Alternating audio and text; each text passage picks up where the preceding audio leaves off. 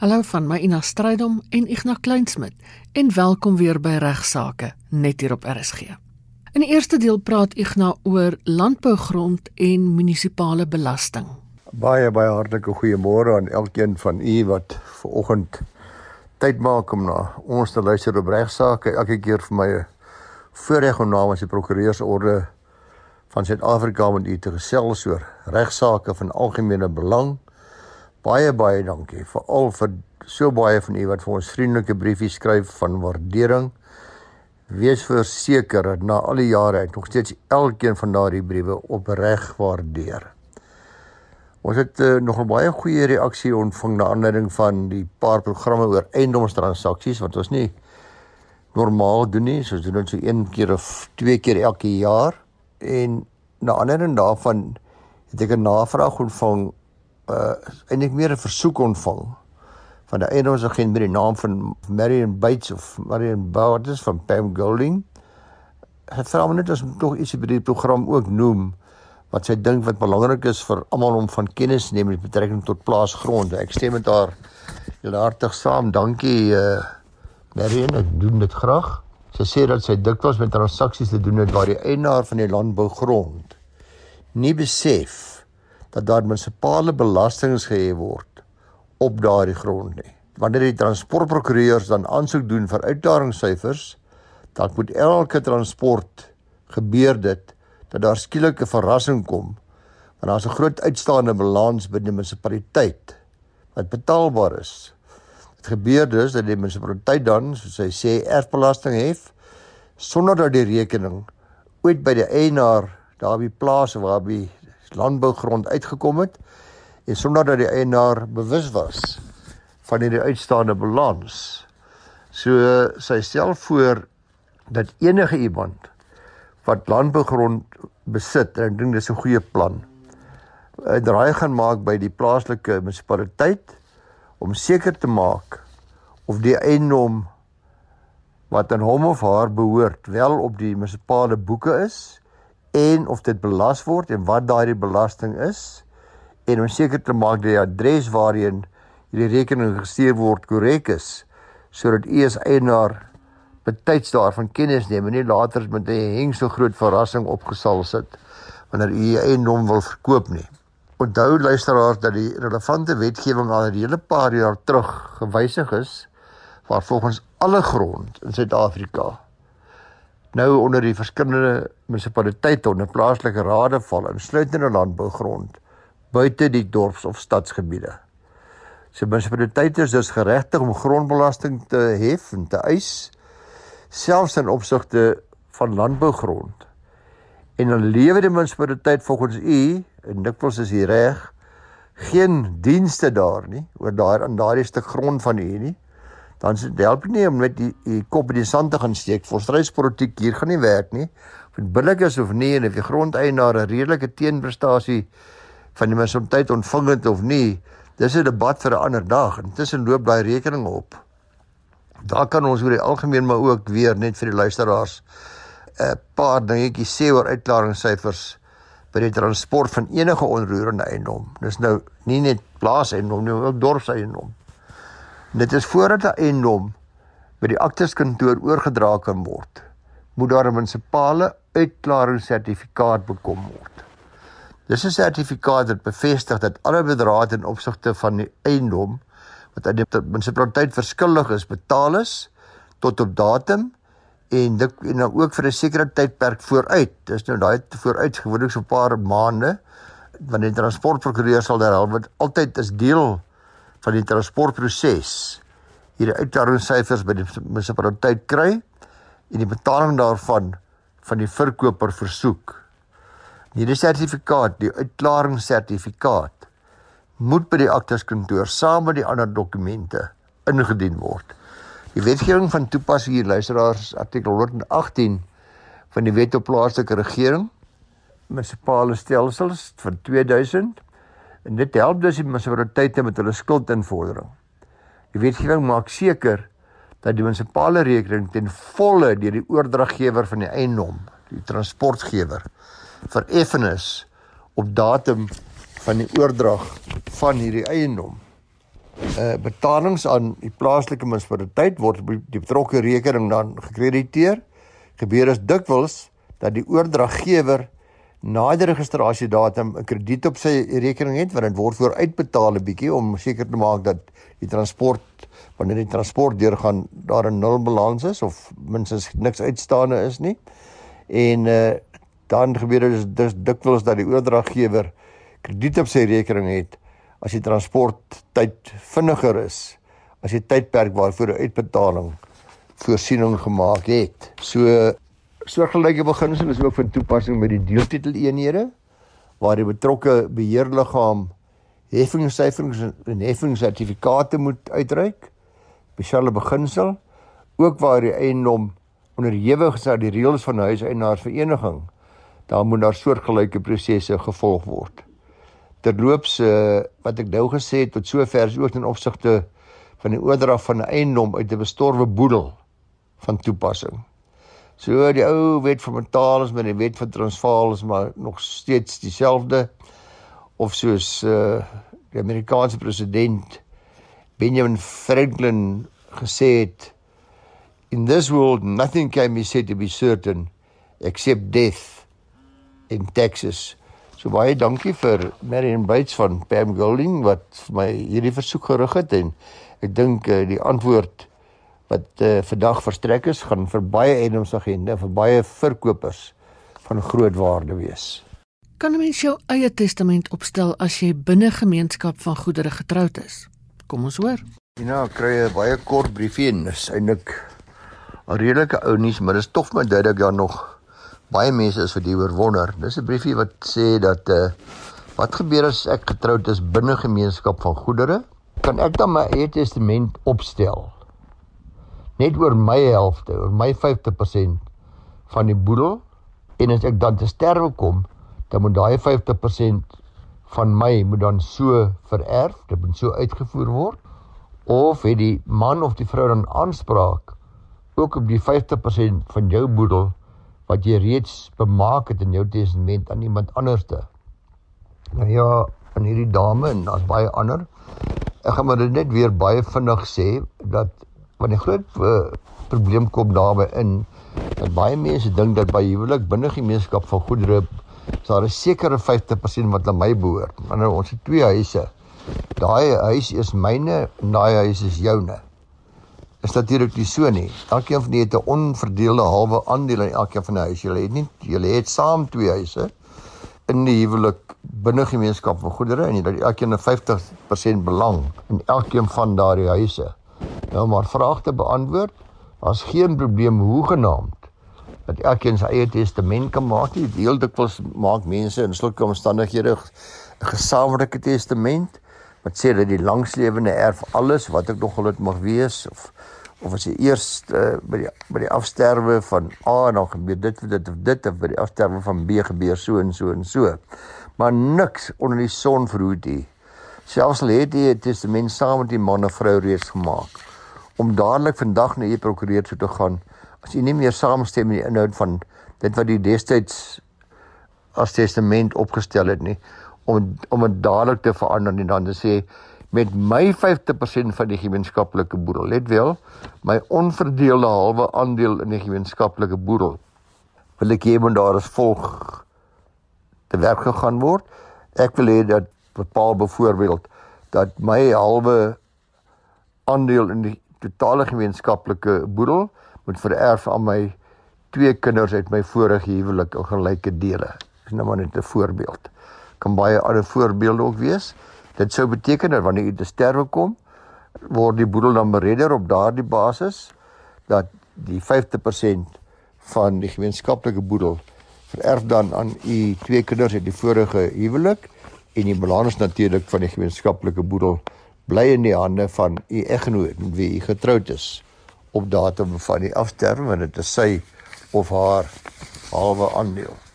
So, weet jy, as ek dit maak dit nou baie mooi duidelik dat ja, geen probleem nie en dan vra sy later maar kan iemand dan later kom aanspraak maak op by 50%? Nee. Niemand kan ooit later op 50% aanspraak maak nie. U kan van tyd tot tyd u testament verander na hartelus, na u wenselus en bepaal wat daarmee word. Uh natuurlik is dit iets heel anders. Dit moet jy onthou as ek praat van 'n huwelik binne gemeenskap van goed in een boedel, dan beteken dit nie net die lekker nie, dit beteken ook die sleg. Aan die lastes en die bates van die boedel. Kom ons sê byvoorbeeld ons het wat ons kom ons vat weer die twee huise. Kom ons sê ons het twee huise wat saam 'n miljoen rand werd is. Ek en my man, ons is getroud binne gemeenskap van goedere. Maar ons skuld aan die bank tog 1,2 miljoen rand op daardie huise. Dan het ons eintlik niks, dan is bankrot boedel. Dan al wat gaan erf in daai geval uh, is natuurlik nul. Want nadat die verbande afgelos is, is daar geen ander bates nie. Maar kom ons maak die voorbeeld 'n bietjie makliker. Kom ons sê die jy het saam 'n miljoen rand se bates en kom ons sê jy skuld nog 800 000 rand op daai bates, dan gaan daar nadat die skuldeisers vereffen is en ander voorsiening gemaak is natuurlik ook vir ander uitgawes wat ek in detail met u bespreek het van van die boedel betref, dan kom ons sê daar bly dan 100 000 rand oor, dan gaan 50 000 rand daarvan is u halwe aandeel en 50 000 is die man se halwe aandeel en gaan u 50 000 vererf soos wat u in u testament bepaal. In die tweede deel van vanoggend se regsaake praat Ignas oor wetgewing wat tradisionele huwelike bereël. Baie van ons gereelde luisteraars sal weet dat ons is nou al baie baie jare besig om uh, of al hier van 1994 af om ou rasgebaseerde wetgewing te skrap en uh, ongrondwettig te verklaar en elke nou dan as weer 'n nuwe wetgewing onthou net nie op net as jy dink jy nou al die wetgewing gedink wat dalk nog diskriminerend kan wees of rasse ongelykheid daarstel, dan duik daar weer een op. Nou die swart administrasie met die Black Administration Act is natuurlik wetgewing wat in die verlede ons swart tradisionele huwelike gereguleer het. Artikel 22 se artikel 6 van hierdie wet het spesifiek daarvoor voorsiening gemaak dat alle tradisionele huwelike outomaties huwelike buite gemeenskap van goedere sal wees. Hierdie huwelike sal dan slegs as binne gemeenskap van goedere geag word indien die huwelikspaartjie 1 maand voor hulle getrou het na 'n landros toe of 'n kommissaris toe gegaan het, kommissaris van Ede en daar verklaar het dat hulle spesifiek binne gemeenskap van goed trou. So gevolge hierdie ou wetgewing moes jy 'n maand voor jou troue gegaan het na landros toe of 'n kommissaris van Ede toe en 'n verklaring afgelê het waarin jy sê dat jy wil spesifiek trou binne gemeenskap van goed by versuim waarvan jy outomaties buite gemeenskap van goed getroud sou wees. So in baie min gevalle moet ek vir julle sê wat ek van weet, het dit ooit gebeur dat daar ja die mense in hierdie tradisionele huwelike eers gehuwelik gaan verander het voor landros of 'n kommissaris om te sê dit moet binne gemeenskap van goed wees en uh Vandag word ons tradisionele huwelike gereguleer deur die Recognition of Customary Marriages Act. Dit bevestig hierdie wetgewing dat alle huwelike na 1988, let wel na 88 gesluit is en sonder 'n uh, huweliksvoorwaarde kontrak gesluit is, huwelike sal wees binne gemeenskap van goedere. So dis maar dieselfde as wat eh uh, huwelike wat ons ons u wat luister, wat dit ken, dan is getroud binne gemeenskap van goedere, behalwe as u spesifieke 'n huweliksvoorwaarde kontrak aangegaan het om huwelik te maak buite gemeenskap van goed. So die Recognition of Customary Marriages Act gesê na 88 is alle huwelike wat gesluit is sonder 'n HVK huwelike binne gemeenskap van goedere. Nou luisteraars, kom ons kom terug by die swart administrasie wet, Black Administration Act. Artikel 22 6, artikel 22 sub artikel 6 van hierdie wet soos ek vroeër genoem het, is ook uh, met ter tyd vervang deur artikel 22 sub artikel 2 sub artikel A van die wette huweliksgoedere bedeling. En hierdie vervanging het daarvoor voorsiening gemaak dat alle partye wat 'n tradisionele huwelik gesluit het, en wie se huwelik outomaties dan buite gemeenskap van goedere was, mag binne 'n periode van 2 jaar vanaf Desember 88 kon hulle hulle huweliksgoedere bedeling verander het bewyse van 'n notariële kontrak.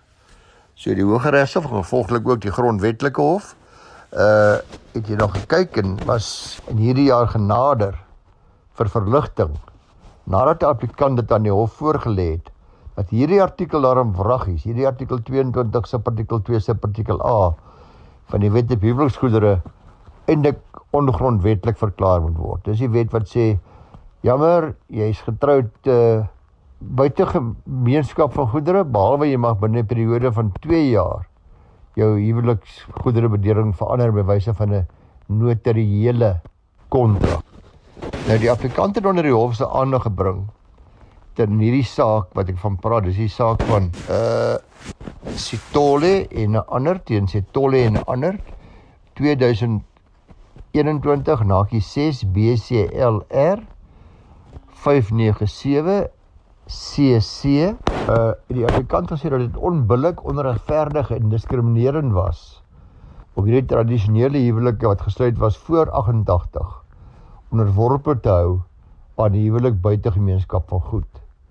Nou alhoewel hierdie artikel die rasse diskriminasie van die swart administrasiewet uit die weg probeer ruim het, het ongelukkig nie die rimpel effek van hierdie diskriminerende wetgewing verwyder nie.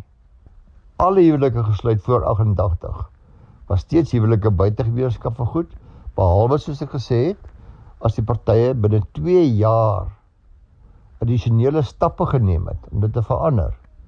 Nou ek weet en u weet dit bitter bitter min mense aan tradisionele huwelik het binne 2 jaar na die huwelik dit gaan doen. So in feite was dit maar so gewees dat uh, hierdie applikant soos baie ander spesifiek getroud was met haar man in die geval sedert 72 huwelik was ook outomaties buite gemeenskap van goed Sy het binne 2 jaar iets aan haar gedoen nie. In die loop van die bestaan van die huwelik uh, wesenlike finansiëel tot die gemeenskaplike woning van die gesin bygedra.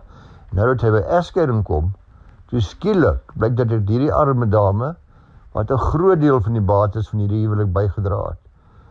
Blyk skielik daar nie gemeenskaplike boerdery wat verdeel gaan word nie, was hy outomaties getrou buite gemeenskap van goedere, so dit nooit verander nie soos en daardeur staas nou die moontlikheid in die gesig om alles wat sy bygedra het tot die huis hier om te verloor want alles is oor die jaar hier na man se naam geplaas. As in die lig van hierdie feite stel wat die hof genader is en sy vir die hof dit mooi verduidelik het probeer oortuig dat dit onregverdig en ongrondwettig is dat daardie huwelik steeds onderhewig moet wees aan 'n huwelik die reëls van die huwelik buite gemeenskap van goed. Uh die grondwetlike hof het bevind dat swart huwelike in die verlede beslis anders hanteer was as ander rasse huwelike. Hierdie onderskeid was onregverdiglik getref.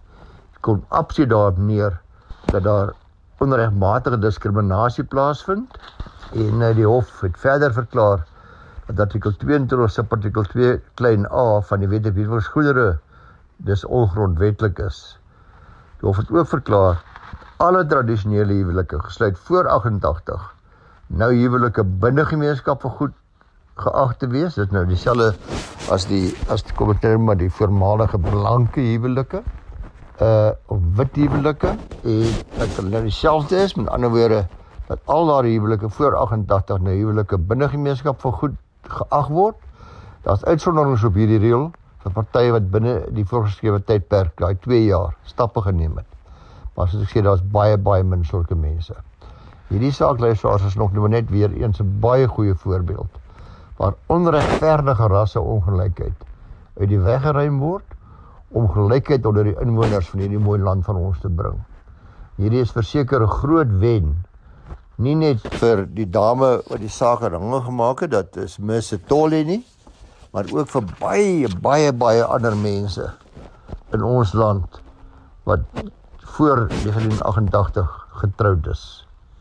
Uh ek raai dat al die persone op wie die regspraak van toepassing is nie almal daarvan bewus is nie, maar ek wil tog maar vra dat u wat sulke mense ken of bewus is van sulke mense vir hulle tog moet aanraai om regtervies hieroor te gaan inwin want uh, ek het nou net oppervlakkig met hierdie uitsprake en hierdie regsaspek gehandel. Dis dan al vir vandag van my Ina Strydom en Ignas Kleinsmid. Groete tot volgende week.